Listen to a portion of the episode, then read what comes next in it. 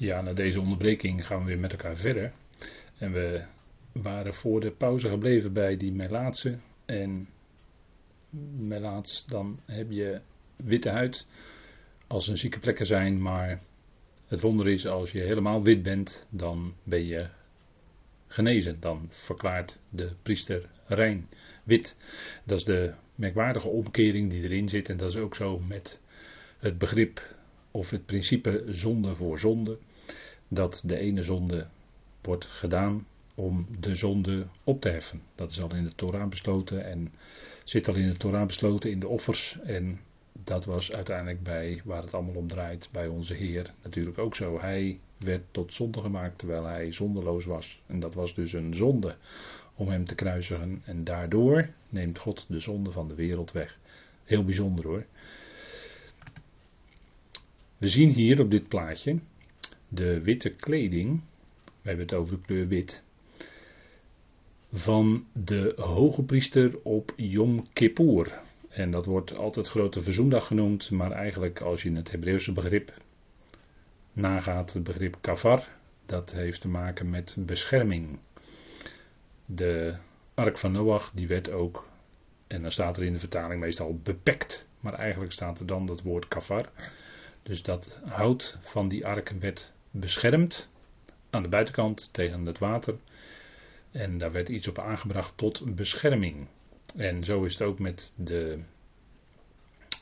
offers, de, het dier wat geofferd werd op grote, grote verzoendag, op Yom Kippur. Dat gaf voor het volk weer een jaar lang bescherming. Bood bescherming. En een ander begrip, ander Hebreeuws begrip, dat is het begrip kaza. Dat betekent bedekking. Maar dat wordt hier niet gebruikt. Het gaat om bescherming. Eigenlijk is het dan grote beschermdag, hè, zou je kunnen zeggen. En dan moest de hoge priester niet in zijn gebruikelijke veelkleurige uitdossing dienst doen, maar helemaal in het wit, wit linnen.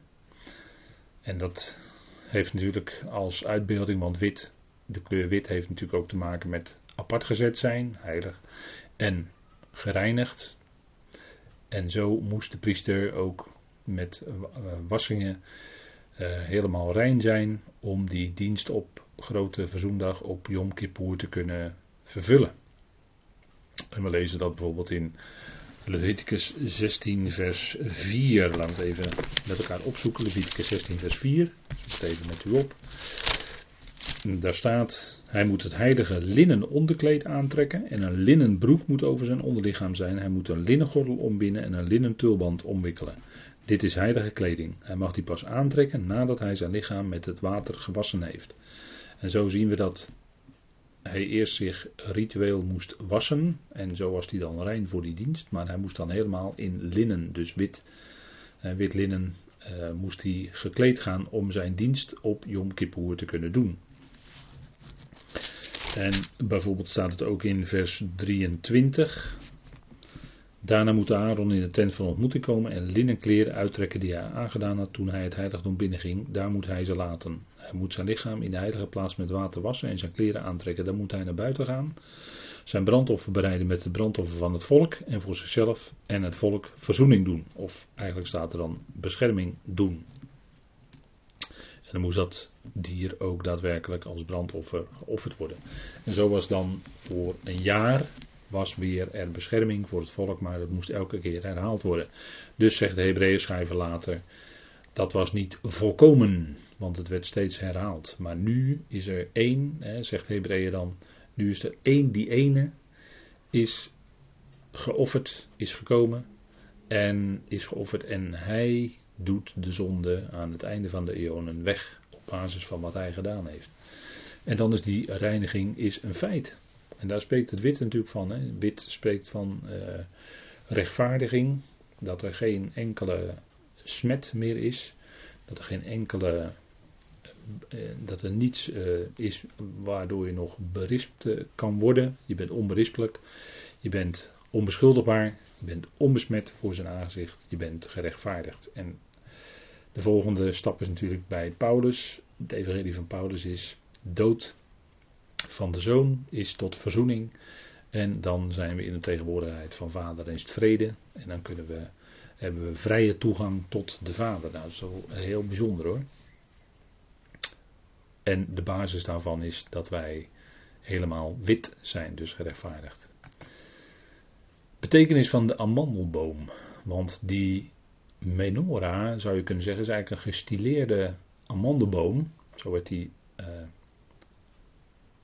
neergezet, zo werd het besproken, zo werd het beschreven.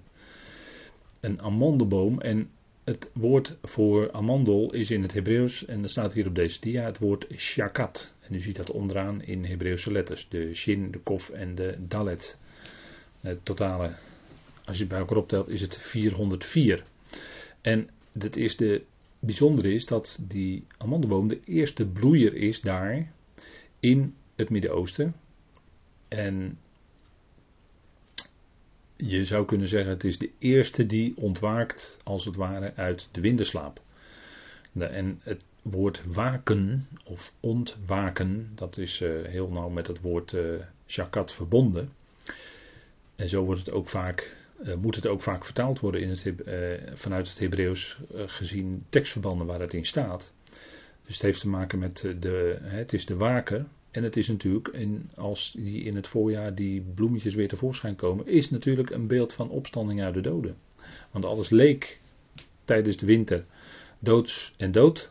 En je denkt van nou, die bomen die zien er niet uit. Die zien er dood uit. Er komt nooit meer leven uit. En oh wonder, een amandelboom geeft dan allemaal weer prachtige witte. U ziet hier een foto geeft allemaal weer prachtige witte bloesem. En dat is natuurlijk een beeld van opstanding uit de doden. En zo krijgen we typologie in de natuur.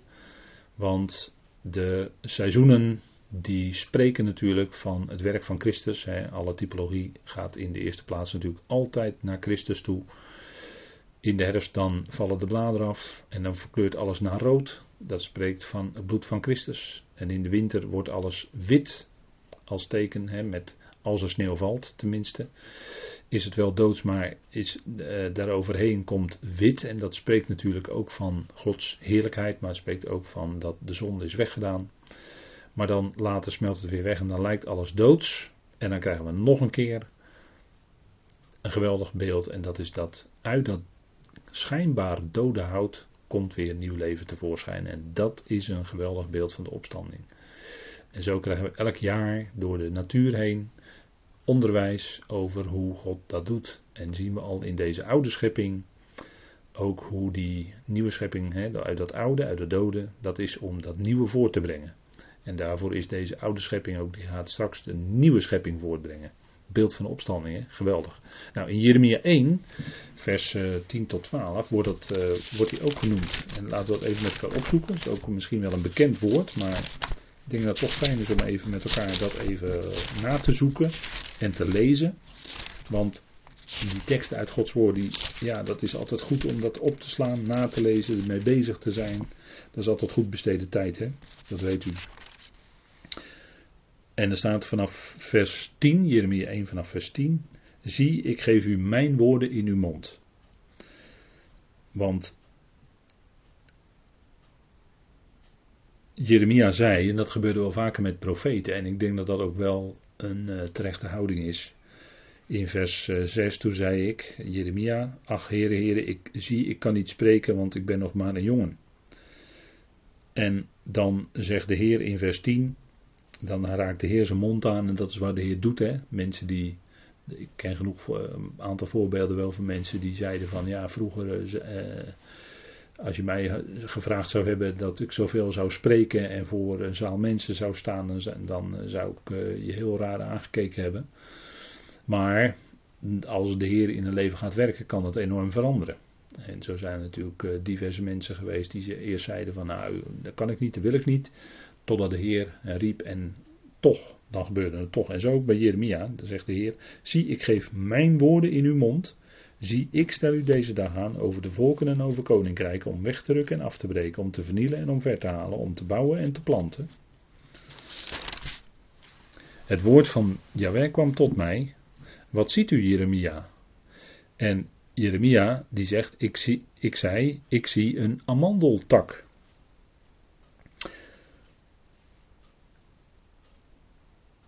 En toen zei de Heer tegen mij, dat heb je goed gezien.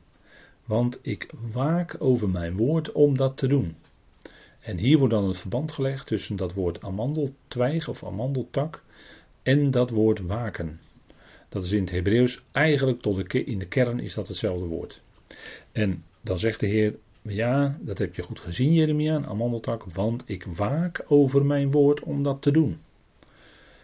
God zal al zijn beloften die hij heeft gegeven waarmaken. En hij zegt dat hier, hè.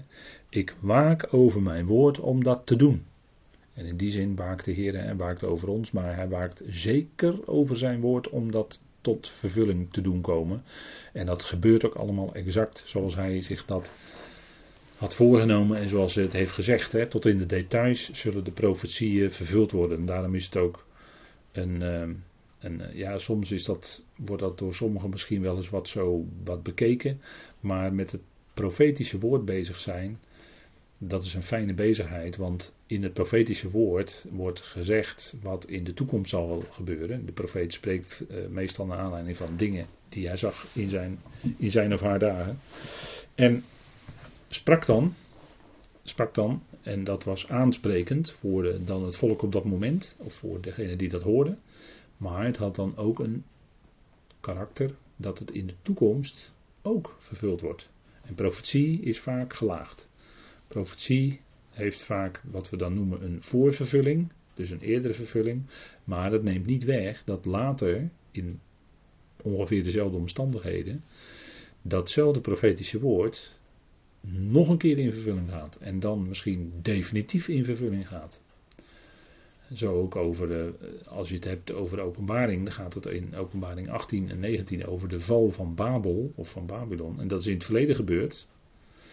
Maar zoals het in openbaring 18 en 19 beschreven staat, zo verwoestend en vernietigend als het dan zal vallen, ja, dat is nog nooit in het verleden gebeurd. Dus dat is nog profetie. Dat is nog toekomst. En dat wordt ook beschreven in Jeremia 50 en 51 en ik meen ook 52 daar spreekt de profeet dan over dingen die dan misschien zijn beslag hebben gekregen, hun beslag hebben gekregen in redelijk nabije uh, toekomst. Uh, vanaf het moment dat de profeet sprak. Maar het heeft wel degelijk ook een definitieve vervulling. En dat is nog, ook nu nog toekomst. In de nabije eindtijd, waar we vlak voor zitten. En dan zal Babylon definitief verwoest worden als hoofdstad van het, wat we dan zeggen, het antichristelijke wereldrijk. Wat nog moet komen, dat is op communistische leest geschoeid. Maar dat zal gaan gebeuren. De Heer waakt over zijn woord om dat te doen. En als hij zegt dat er, en dat is ook wat eh, Bijbeluitleggers zeiden, lang voordat de Joodse staat in 1948 ontstond, zeiden ze: er komt nog een Joodse staat een ongelovige Joodse staat. Dat zeiden ze op basis van de profetie. En ze werden misschien wel uitgelachen. Maar in 1948 kwam die. En toen hadden die Bijbeluitleggers hadden gelijk. Waarom? Omdat ze de schriften volgden. En hier zegt Jawel dat hij over zijn woord waakt om dat ook te doen. dus hier wordt het nog eens een keer nadrukkelijk door Jawel, door God zelf verklaard. En dat zal hij ook zeker doen. Hè? Dus dat is, uh, en daar spreekt dan de amandel ook van. Daar spreekt dan eigenlijk, want daar zijn we mee bezig, daar spreekt dan eigenlijk ook die menorah van. Hè? Dat licht schijnt in die tabernakel, in dat heilige. En dat spreekt ervan dat de Heer waakt over zijn woord om dat te doen. Dan zien we amandelen, dat is de vrucht. Bovenin verpakking, dus het groeit in, zulke, in zo'n omhulling. En dan komt de amandelpit komt tevoorschijn. En die is ook, uh, men zegt heel gezond om op te eten. Je kunt hem zo uh, kauwen en eten. En we letten dan even op de vorm. De vorm van de amandel is dat hij eigenlijk vanuit die punt, dan kijken we even van links naar rechts. Vanuit die punt komt hij en dan dijt hij helemaal uit. En dan wordt het aan het eind een ronding. Wordt niet meer helemaal een punt, maar wordt een ronding. En eigenlijk kun je daarin een basisvorm zien, want dit kom je vaak tegen in de natuur. En waar spreekt dat van? Dat is, het begint in die ene punt, dus begint in één, en dan wordt het, gaat het uitdijen, dan wordt het twee, en dan gaat het weer terug naar de één. Maar hier met een ronding, dus daar zit uh, eigenlijk niet echt een einde aan. En ook heeft deze amandel de vorm van een mond. Hè, zoals veel zaden zo'n vorm hebben. Van een mond. En een mond die spreekt. Die mond, die, dat is een opening. Dat is de letter P in het Hebreeuws. Mond, maar dat betekent ook opening. En dat is dus spreken, want eigenlijk zien we hier in deze vorm, zien we in een nutshell dat hele plan van God. Hè. Het komt, alles komt uit die ene. En het gaat dan door allerlei tegenstellingen heen, door allerlei twee. Licht, duisternis, man, vrouw, oude nieuwe schepping. En uh, haat en liefde. En zo zijn er hè, kwaad en goed. En zo zijn er heel veel tegenstellingen. Waar dan God doorheen werkt. Om uiteindelijk dat alles weer terugkeert naar die ene. He, alles spitst zich weer toe naar die ene. En dan, als alles bij die ene is gekomen, dan is er niet een punt, dan is er niet een eindpunt. Maar dan zal er een tijd aanbreken dat God iedereen aan zijn hart heeft gedrukt. En dat zal zo blijven. Dat, een, een, mond, maar we zien de vorm van een mond. Dus in, door, dat hele plan heen is God er die spreekt. En dat spreekt hij voor Israël dan in de woestijn. Want zij gingen op reis met die hele tabernakel. Dat was een portable uh, gebeuren natuurlijk. Ze konden alles opbreken. En we hebben bij de bespreking van de tafel van de toonbroden ook gezien dat daar draagstokken door ringen heen zaten. Zodat ze direct die tafel konden opnemen en weer verder konden trekken. En zo trokken zij 40 jaar lang door de woestijn met steeds die tabernakel bij zich. De, in de woestijn dat betekent B-midbar. Maar in die woestijn, dat, terwijl ze daar doorheen trokken, zweeg God niet, nee, hij sprak. En hij sprak om ze aan te spreken, om ze te bemoedigen en aan te sporen en noem alles maar op. Maar ze waren niet verstoken van het woord van God. En dat is, geldt eigenlijk voor daarna, hè, nadat God is gaan spreken, eh, geldt dat eigenlijk altijd voor alle mensen. Dat daar die mond van God is, die spreekt. En die spreekt bemoedigen, die spreekt van liefde, die spreekt van dat hij er is, dat hij erbij is en dat hij draagt. Nou, zo kunnen we dat, zo kun je dat invullen. Hè? Numeri, het boek Numeri spreekt daarover. Maar dat betekent eigenlijk bemidbar. Dat is eigenlijk bemidbar. In, in, uh, als je in Tenach kijkt, dan wordt het in Tenach eigenlijk. de titel van het boek is eigenlijk bemidbar, in de woestijn. En dat is ook precies wat Numeri beschrijft: de woestijnreis van het volk Israël en nou zit dat woord midbar, B, de B, B midbar. B is uh, in, hè, dat betekent B, de B is de beet, dat is het huis, dat is in. En het woord midbar, dat is dan woestijn. Maar als je daar de letter M even voor weghaalt, dan wat blijft er dan over? Dan blijft het woord dabar over. En dat kennen we natuurlijk. Dabar is een woord en bij God is dat ook tegelijkertijd een daad. God spreekt en vroeg of laat zal dat woord vervuld worden, zal het tot een daad worden.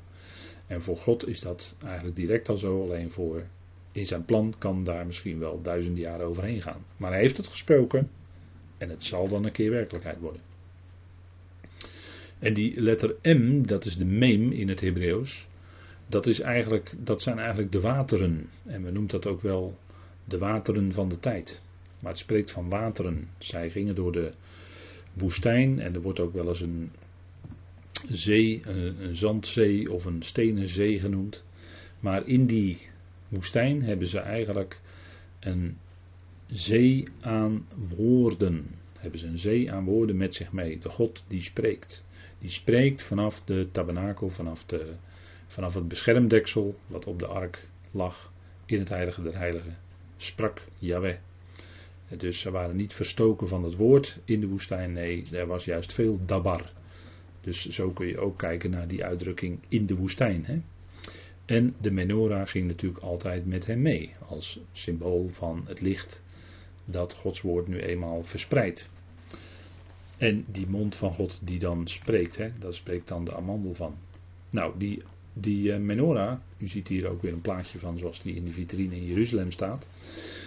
Die bestaat uit één middelste schacht of staander. Dat is dan eigenlijk de, de kandelaar, om het zo maar te zeggen. Wordt vaak vertaald met kandelaar, de staander.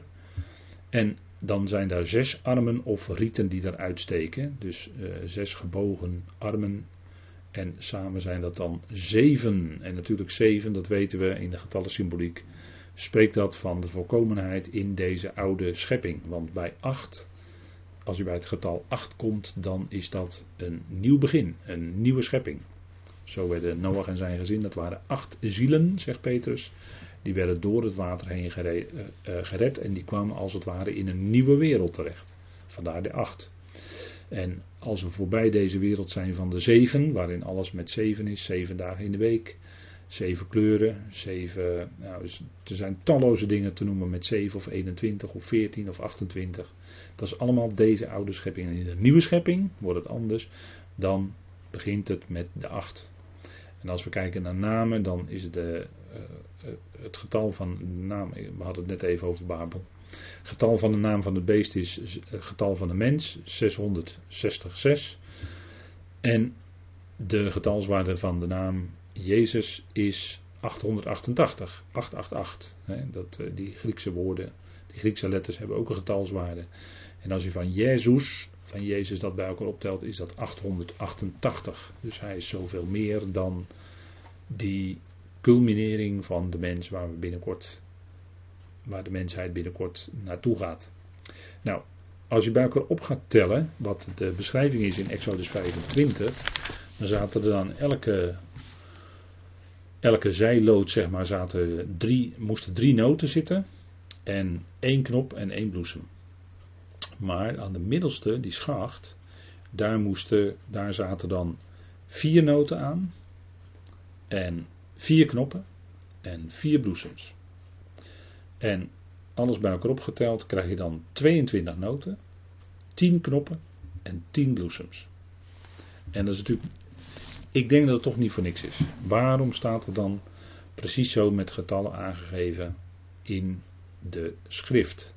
Niet alleen omdat het zo vervaardigd moest worden, maar dat is voor ons ook om te kijken uh, wat is nou die hoeveelheid en wat zit daarin.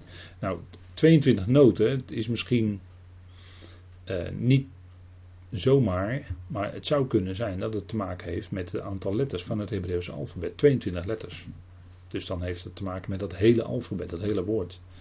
En 10 knoppen, 10 bloesems, 10, het getal 10 in de Bijbel, dat is heel bekend heeft te maken met het woord. God sprak in Genesis 1 tien keer. er staat steeds God zeide. En dat is dan tien keer. Dat zijn tien woorden. En we kennen natuurlijk de hele bekende tien woorden die op Sinai werden uitgesproken. In Exodus 20. wat dan populair heet de tien geboden. Maar het zijn eigenlijk de, de Joden noemen dat terecht de tien woorden. Die Jawij sprak. En zo kreeg het volk tien aanwijzingen. Dus tien heeft te maken met dat woord. En zo spreekt dan ook zelfs in de getallen, spreekt die menorah van het woord. Het woord dat ook licht verspreidt natuurlijk. Want dat is natuurlijk wat het woord doet. Hè? Het geeft, uh, het profetische woord, zegt Petrus, schijnt als een licht in een duistere plaats. En het evangelie van de heerlijkheid van Christus schijnt in ons hart en heeft ons hart verlicht. En dan refereert Paulus in 2 Korinthe 4, als hij daarover schrijft, refereert hij ook aan Genesis 1, toen God zei, er zij licht. En toen werd het ook licht. Nou, ik denk dat dat ook niet voor niks is. Hè? Dus 22, 10, 10, dat heeft allemaal te maken met dat woord. De volkomenheid van dat woord. En als je 22 plus 10 plus 10 doet, dan krijg je 42. En het wonderlijke is dat die 42 delen van de vrucht, die dan allemaal zo aangeduid worden in de beschrijving, 42 in de Bijbel, en op dat getal wil ik ook ingaan. En u kunt daarvan ook dingen terugvinden in het uh, boek van Dr. Billinger, uh, Number in Scripture. En ik meen dat het ook in Nederlands vertaald is, maar dan kunt u dan, uh, moet u dan maar even op internet zoeken. Als u dat wil aanschaffen, want dat is best heel boeiend. Maar het getal 42 heeft te maken met duisternis of dood. Als we kijken bijvoorbeeld in het boek Openbaring, dan wordt daar gesproken over 42 maanden. En maan, hè, maanden, maan, heeft te maken met de nacht. De maan is geen, zelf geen licht, maar reflecteert alleen maar licht. 42 maanden lang wordt de stad vertrapt, hè, staat er in openbaring 11 vers 2. Zullen de natieën de stad, Jeruzalem, vertrappen. Dat is de tijd van grote verdrukking. 42 maanden lang zal aan het beest gegeven worden de mogelijkheid, en die zal dat zeker benutten, om lasteringen te spreken. 42 maanden lang. In diezelfde periode zullen er ook, dus 42 maanden lang, maar dan wordt het genoemd 1260 dagen, twee getuigen. En waarom wordt er dan dag genoemd? Omdat ze getuigen van God en daarmee het licht, vandaar dag, het licht verspreiden. En wat zal men een hekel hebben in die tijd, in die 1260 dagen aan die twee getuigen? 1260 dagen grote verdrukking. Nou, dat is een duistere periode voor Israël, want dan is het echt grote verdrukking. Dan zullen ze door een heel moeilijke periode heen moeten. En dat is nog toekomst. Dat is nabije toekomst. En dat is niet fijn. Maar God zegt het in zijn woord. De Heer Jezus sluit zich aan bij Daniel in Matthäus 24. En hij spreekt dan over als je dan dat ziet staan waarvan Daniel gesproken heeft, dat die gruwel van de verwoesting, dat beeld van het beest, maken dat je wegkomt. Want dan breekt de grote verdrukking aan, zegt hij tegen zijn eigen volk. En dat is nog niet vervuld geworden, die profetie over de grote verdrukking. Dan lezen wij over 42 kinderen en twee beren. Daar kom ik zo meteen op terug. Maar we lezen ook over, en dat moet u maar eens nazoeken. Ik heb dat aangenomen, ik heb dat niet zelf nagezocht. Israël had 42 kampplaatsen in de woestijntocht. En mensen die hebben dat nagegaan en die spreken dan over 42. En dat is ook een periode ja, waarin ze nog niet in het beloofde land zijn. Een periode van verdrukking, een periode waarin het moeilijk is. Dus uh, ja, toch een wat duistere periode. Ze zijn er nog niet. Het is geen makkelijke omstandigheid in de woestijn. Hoewel, hoewel hun sandalen niet versleten en, en noem alles maar op. Ze hadden elke dag manna en de Heer zorgde en zegende hen. Maar toch, ze hadden last van vijanden en, en uh, noem alles maar op. Een moeilijke periode, moeizaam en dat zo lang. 42 man, staat in 2 Koningen 10 vers 14, werden gedood bij Beet Eket. 42 heb je het weer, hè? 42 man. Niet fijn, zo'n getal. Dan die 42 kinderen, dat wil ik even met u opzoeken. Dat staat in 2 Koningen 2. En dat is toch wel een wat merkwaardige geschiedenis. En jaren geleden wees daar dus iemand op. Op een Hebreeuws woord. En ik denk dat, dan, dat je dan een sleutel hebt om dat te kunnen begrijpen wat daar gebeurde. Want we denken, nou dat is wel heel erg gruwelijk wat daar dan gebeurt met die kinderen. Maar misschien ligt dat in het Hebreeuwse woord. Hè? 2 Koningen 2, en dan staat er, dat is die bekende geschiedenis van Elisa, dat hij eh, bespot wordt. En hij ging vandaar naar Bethel. Toen hij langs de weg omhoog ging, kwamen er kleine jongens uit de stad. Die dreven de spot met hem en zeiden tegen hem: Kaalkop, ga op, Kaalkop, ga op. Nou, dat was enorm beledigend wat ze daar zeiden. En hij, Elisa, keerde zich om, zag hen en, en vervloekte hen in de naam van de Heer of sprak op een bepaalde manier in naam van de Heer tot hen. Toen kwamen er twee beren uit het woud en verscheurden 42 van die kinderen. En hij ging vandaar naar de berg Karmel en vandaar keerde hij terug naar Samaria. En dan denkt u van nou dat is gruwelijk zeg, twee beren. Maar denkt u dat dat in de praktijk echt zo ook kan? Dat 42 kinderen door twee beren verscheurd worden. Nou, als die beer elk ieder één kind te pakken hebben, dan al die andere kinderen, die maken natuurlijk dat ze wegkomen. En dat is eigenlijk ook dat woord verscheuren, dat is dan hier wel zo vertaald. En in andere contexten kan dat ook zo vertaald worden. Alleen dit woord kun je ook vertalen met uit elkaar jagen. En verscheuren is natuurlijk ook iets wat je doet. En dan trek je bijvoorbeeld een. Uh, hè, de hoge priester deed dat. Die trok dan zijn kleding en die scheurde het dan. En dan ging het, werd het uit elkaar gedreven in twee stukken. En dat is wat met die kinderen ook gebeurde. Die zagen die, die beren, die pakten er ieder één. En die andere kinderen zagen dat. En die maakten natuurlijk dat ze wegkwamen en ze werden daardoor uit elkaar gedreven. En ze werden niet allemaal verscheurd en gedood. Dat staat er ook niet. Nou, ik denk dat dat. Dan is zo'n akelige geschiedenis ineens heel anders. Hè? is heel anders. Ik denk dat dat daar aan de hand was. En uh, zo is het ook met, uh, hè, er is ook zo'n uh, woord waarin staat dat de, de, de, de, kinderen tegen de rotswand verpletterd worden. dat is ook zo'n afschuwelijk iets waarvan mensen ook zeggen, ja maar dat, dat staat zo, zo op die manier in de Bijbel. Maar dat verpletteren, wat daar dan, wordt dan verpletteren vertaald tegen rotswand. Maar dat woord wat daar dan staat, kun je net zo goed vertalen met verstrooien. Dus dat die kinderen allemaal verstrooid worden. In plaats van verpletterd. Nou, dat is ook, en dan heb je ineens een heel ander, heel ander gezichtspunt. Nou, dat zijn zo van die dingen. Als je dus vanuit die grondtekst gaat kijken, wat kan zo'n woord betekenen? En het Hebreeuws heeft gewoon een woordenschat met, eh, ja, waarin woorden toch een hele diversiteit aan betekenissen kunnen hebben. Ehm, ik, ik, noemde al even in, in andere, ook uh, Psalm 23, dat woord roi. Dat heeft zomaar tien facetten, maar dat is nog niet, hè, dat noemde ik zo tien facetten op, maar dat is dan nog niet eens uitputtend wat het allemaal betekent.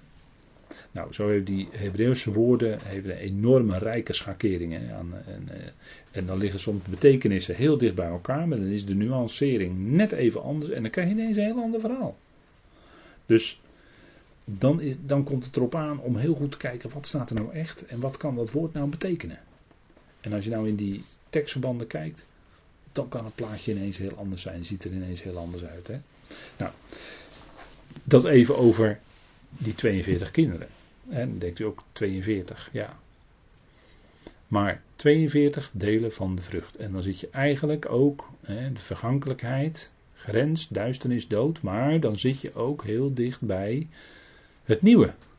Want we weten dat als de nacht het donkerst is, dan, is het, dan zit je heel dicht bij het ochtendgloren.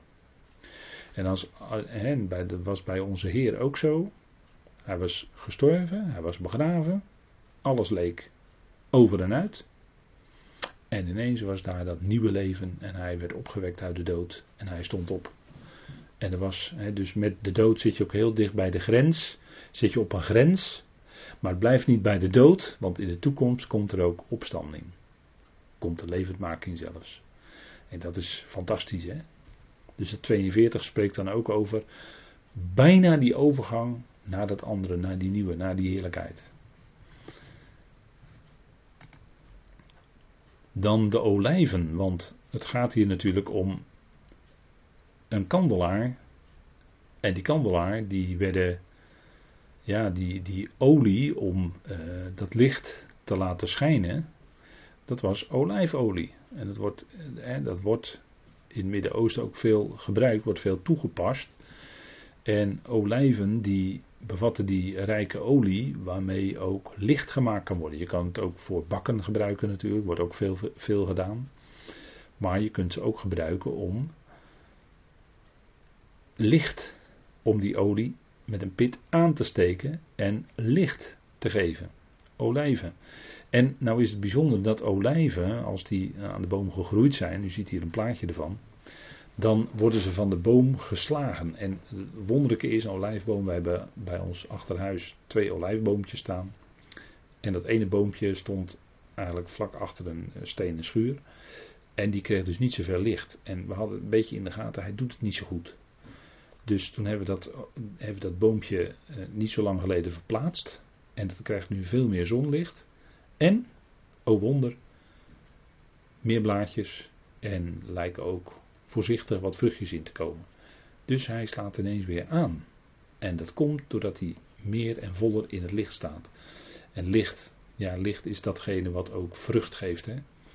Paulus, die, uh, Paulus die schrijft daarover in Efeze, uh, in Efeze 5. In Efeze 5. En dan zegt hij: de vrucht van het licht.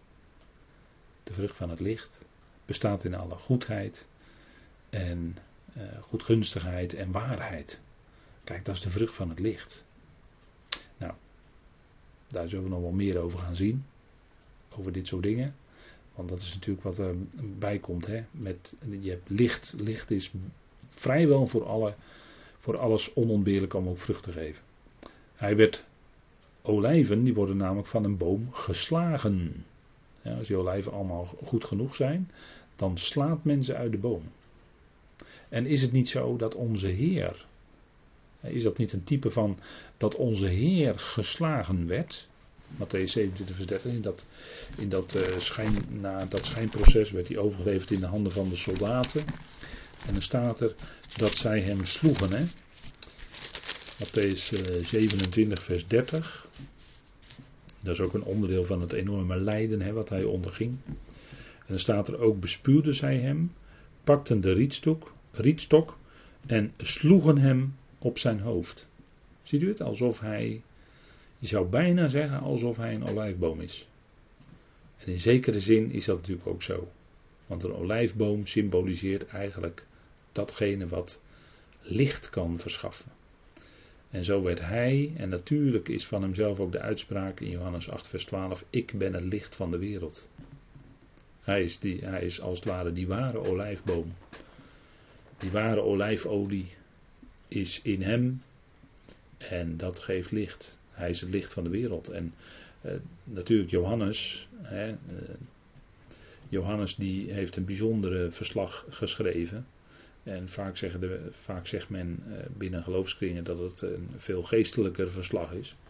Maar Johannes, als je dat leest, dat ziet eigenlijk op de situatie in de duizend jaar.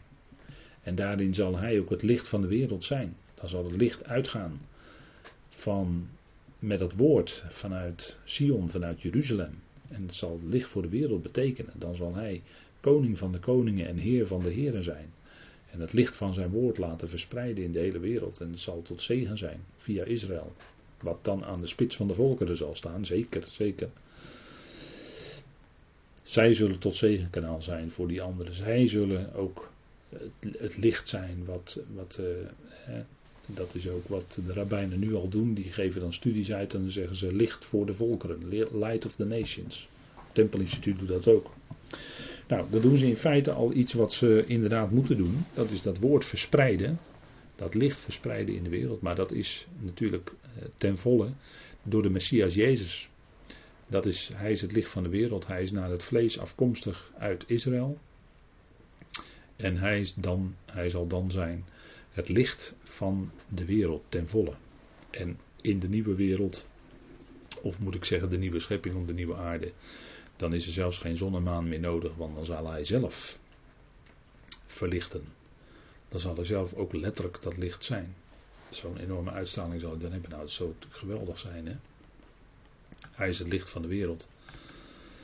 En de olie voor de lampen, die vinden wij beschreven, want dat is natuurlijk olijfolie. Dat vinden wij beschreven in Exodus 27. Exodus 27.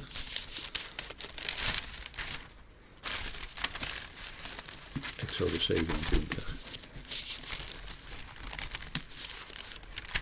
En dan lezen we met elkaar de versen 20 en 21. En daar staat: U moet de Israëlieten gebieden dat zij zuivere olie uit gestoten olijven voor u meenemen voor het licht, om voortdurend een lamp te laten branden. In de tent van ontmoeting, aan de buitenkant van het voorhangsel dat tegenover de getuigenis is, moet Aaron en zijn zonen die verzorgen van de avond tot de ochtend voor het aangezicht van de Heer, van Yahweh. Dit is voor de Israëlieten een eeuwige verordening, en dus een eonische inzetting, al hun generaties door. Dus dat, die olie die moest gewonnen worden en dan staat er uit gestoten olijven. Want dat is wat met olijven moet gebeuren om de beste olie eruit te krijgen. En u ziet ook dat het woord Getsemane, de, de get dat is eigenlijk de persbak, een woord voor bak of persbak. En shemen, dat is eigenlijk het woord voor olie in het Hebreeuws. Dus het is eigenlijk oliepersbak, maar we zeggen voor het gemak olijfpersbak. Maar de, de olijven die moesten onder enorme druk komen. Gestoten olijven. En het is niet alleen uh, voldoende om daar uh, druk op uit te oefenen, maar het moet echt onder zware druk. Dan krijg je de beste olie. Dat is dat, er zijn verschillende procedés voor. Maar de beste olie, voor, ook voor licht, kreeg je uit de olijven door het enorm en zelfs door slaan. Door slaan. Door slaan op die olijven kreeg je de beste olie. En is niet dat wat met onze Heer gebeurde? Hij werd geslagen, hij werd gestoten. En olijven werden dan gestoten opdat die buitenschil open gaat, brak open, breken. En dat is opdat die kostelijke olie daaruit voort zou komen. En zo werd hij, de Heer Jezus Christus, geslagen. In Gethsemane stond hij onder grote druk, de olijfpersbak, de oliepersbak. Opdat door zijn lijden, door zijn dood, door zijn smadelijke kruisdood, uiteindelijk het licht aan iedereen gegeven zal worden. Het werkelijke licht, het ware licht. En met licht komt natuurlijk ook waarheid. Die waarheid van dat woord komt dan naar voren. Licht, waarheid, dat is waar mensen naar snakken. Er is zoveel leugen in deze wereld. Er is zoveel wat, ja, we zeggen wel eens tegen elkaar, niets is wat het lijkt. Het blijkt toch altijd weer anders te zijn achteraf. En er werd de volle waarheid niet verteld. En, en zo is het steeds. Maar Gods woord. En dan vanuit de grondteksten. En daarin is die concordante methode een geweldig hulpmiddel. Het is een middel. Het is een middel. Maar die concordante methode is een geweldig hulpmiddel. Het beste hulpmiddel dat er is. Om dicht bij, dat, bij die grondtekst te komen. Dat is de waarheid. Die grondtekst, wat de grondtekst zelf zegt. Dat is het. Daar gaat het om. Dat is ook wat de psalmist bidt, hè, psalm 43. Heer, zend uw licht en waarheid. Ziet u? Dat wordt aan elkaar gekoppeld. Hè? Heer, zend uw licht en waarheid. En dat is ook, denk ik, wat je bij gelegenheid wel eens bidt als gelovige. Heer, geef in deze situatie uw licht en dat wat waar is. Dat wat nu passend is. Dat wat nu klopt. Dat wat nu waar is. Geeft u dat. En dan gaat God het ook geven. Op zijn tijd. En datgene wat hij wil geven natuurlijk. Maar dan zal het ook goed zijn. Maar het zijn gestoten olijven. Dat is het lijden, hè? Dat is het lijden. Het, het moest, uh, die olijven moeten geslagen worden. Opdat de beste olie eruit komt. Dat is het lijden. En dat lijden, dat was er bij de zoon enorm diep. Opdat het beste olie. Olie is natuurlijk ook een beeld van de geest. En de geest is het, de geest van God is het die licht geeft. En het is ook de geest van de waarheid.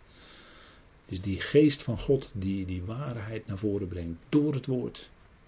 Door het woord. Altijd hè. En dat is wat ons licht geeft. Dat is wat ook dat licht in de tabernakel was door de menorah, door de olijfolie. En dat spreekt natuurlijk. En we hebben gezien vanavond dat het in alle delen spreekt van het woord. Alle delen spreekt van het woord en dat brengt ons licht in de duisternis. En het kan soms heel duister zijn om ons heen. Maar wij mogen in het licht wandelen, dat is genade. En is niet omdat we beter zijn dan anderen, nee, wel nee. Maar het is omdat we dat licht van Gods woord hebben ontvangen. Dat is diepe genade en daar mogen we dankbaar voor zijn.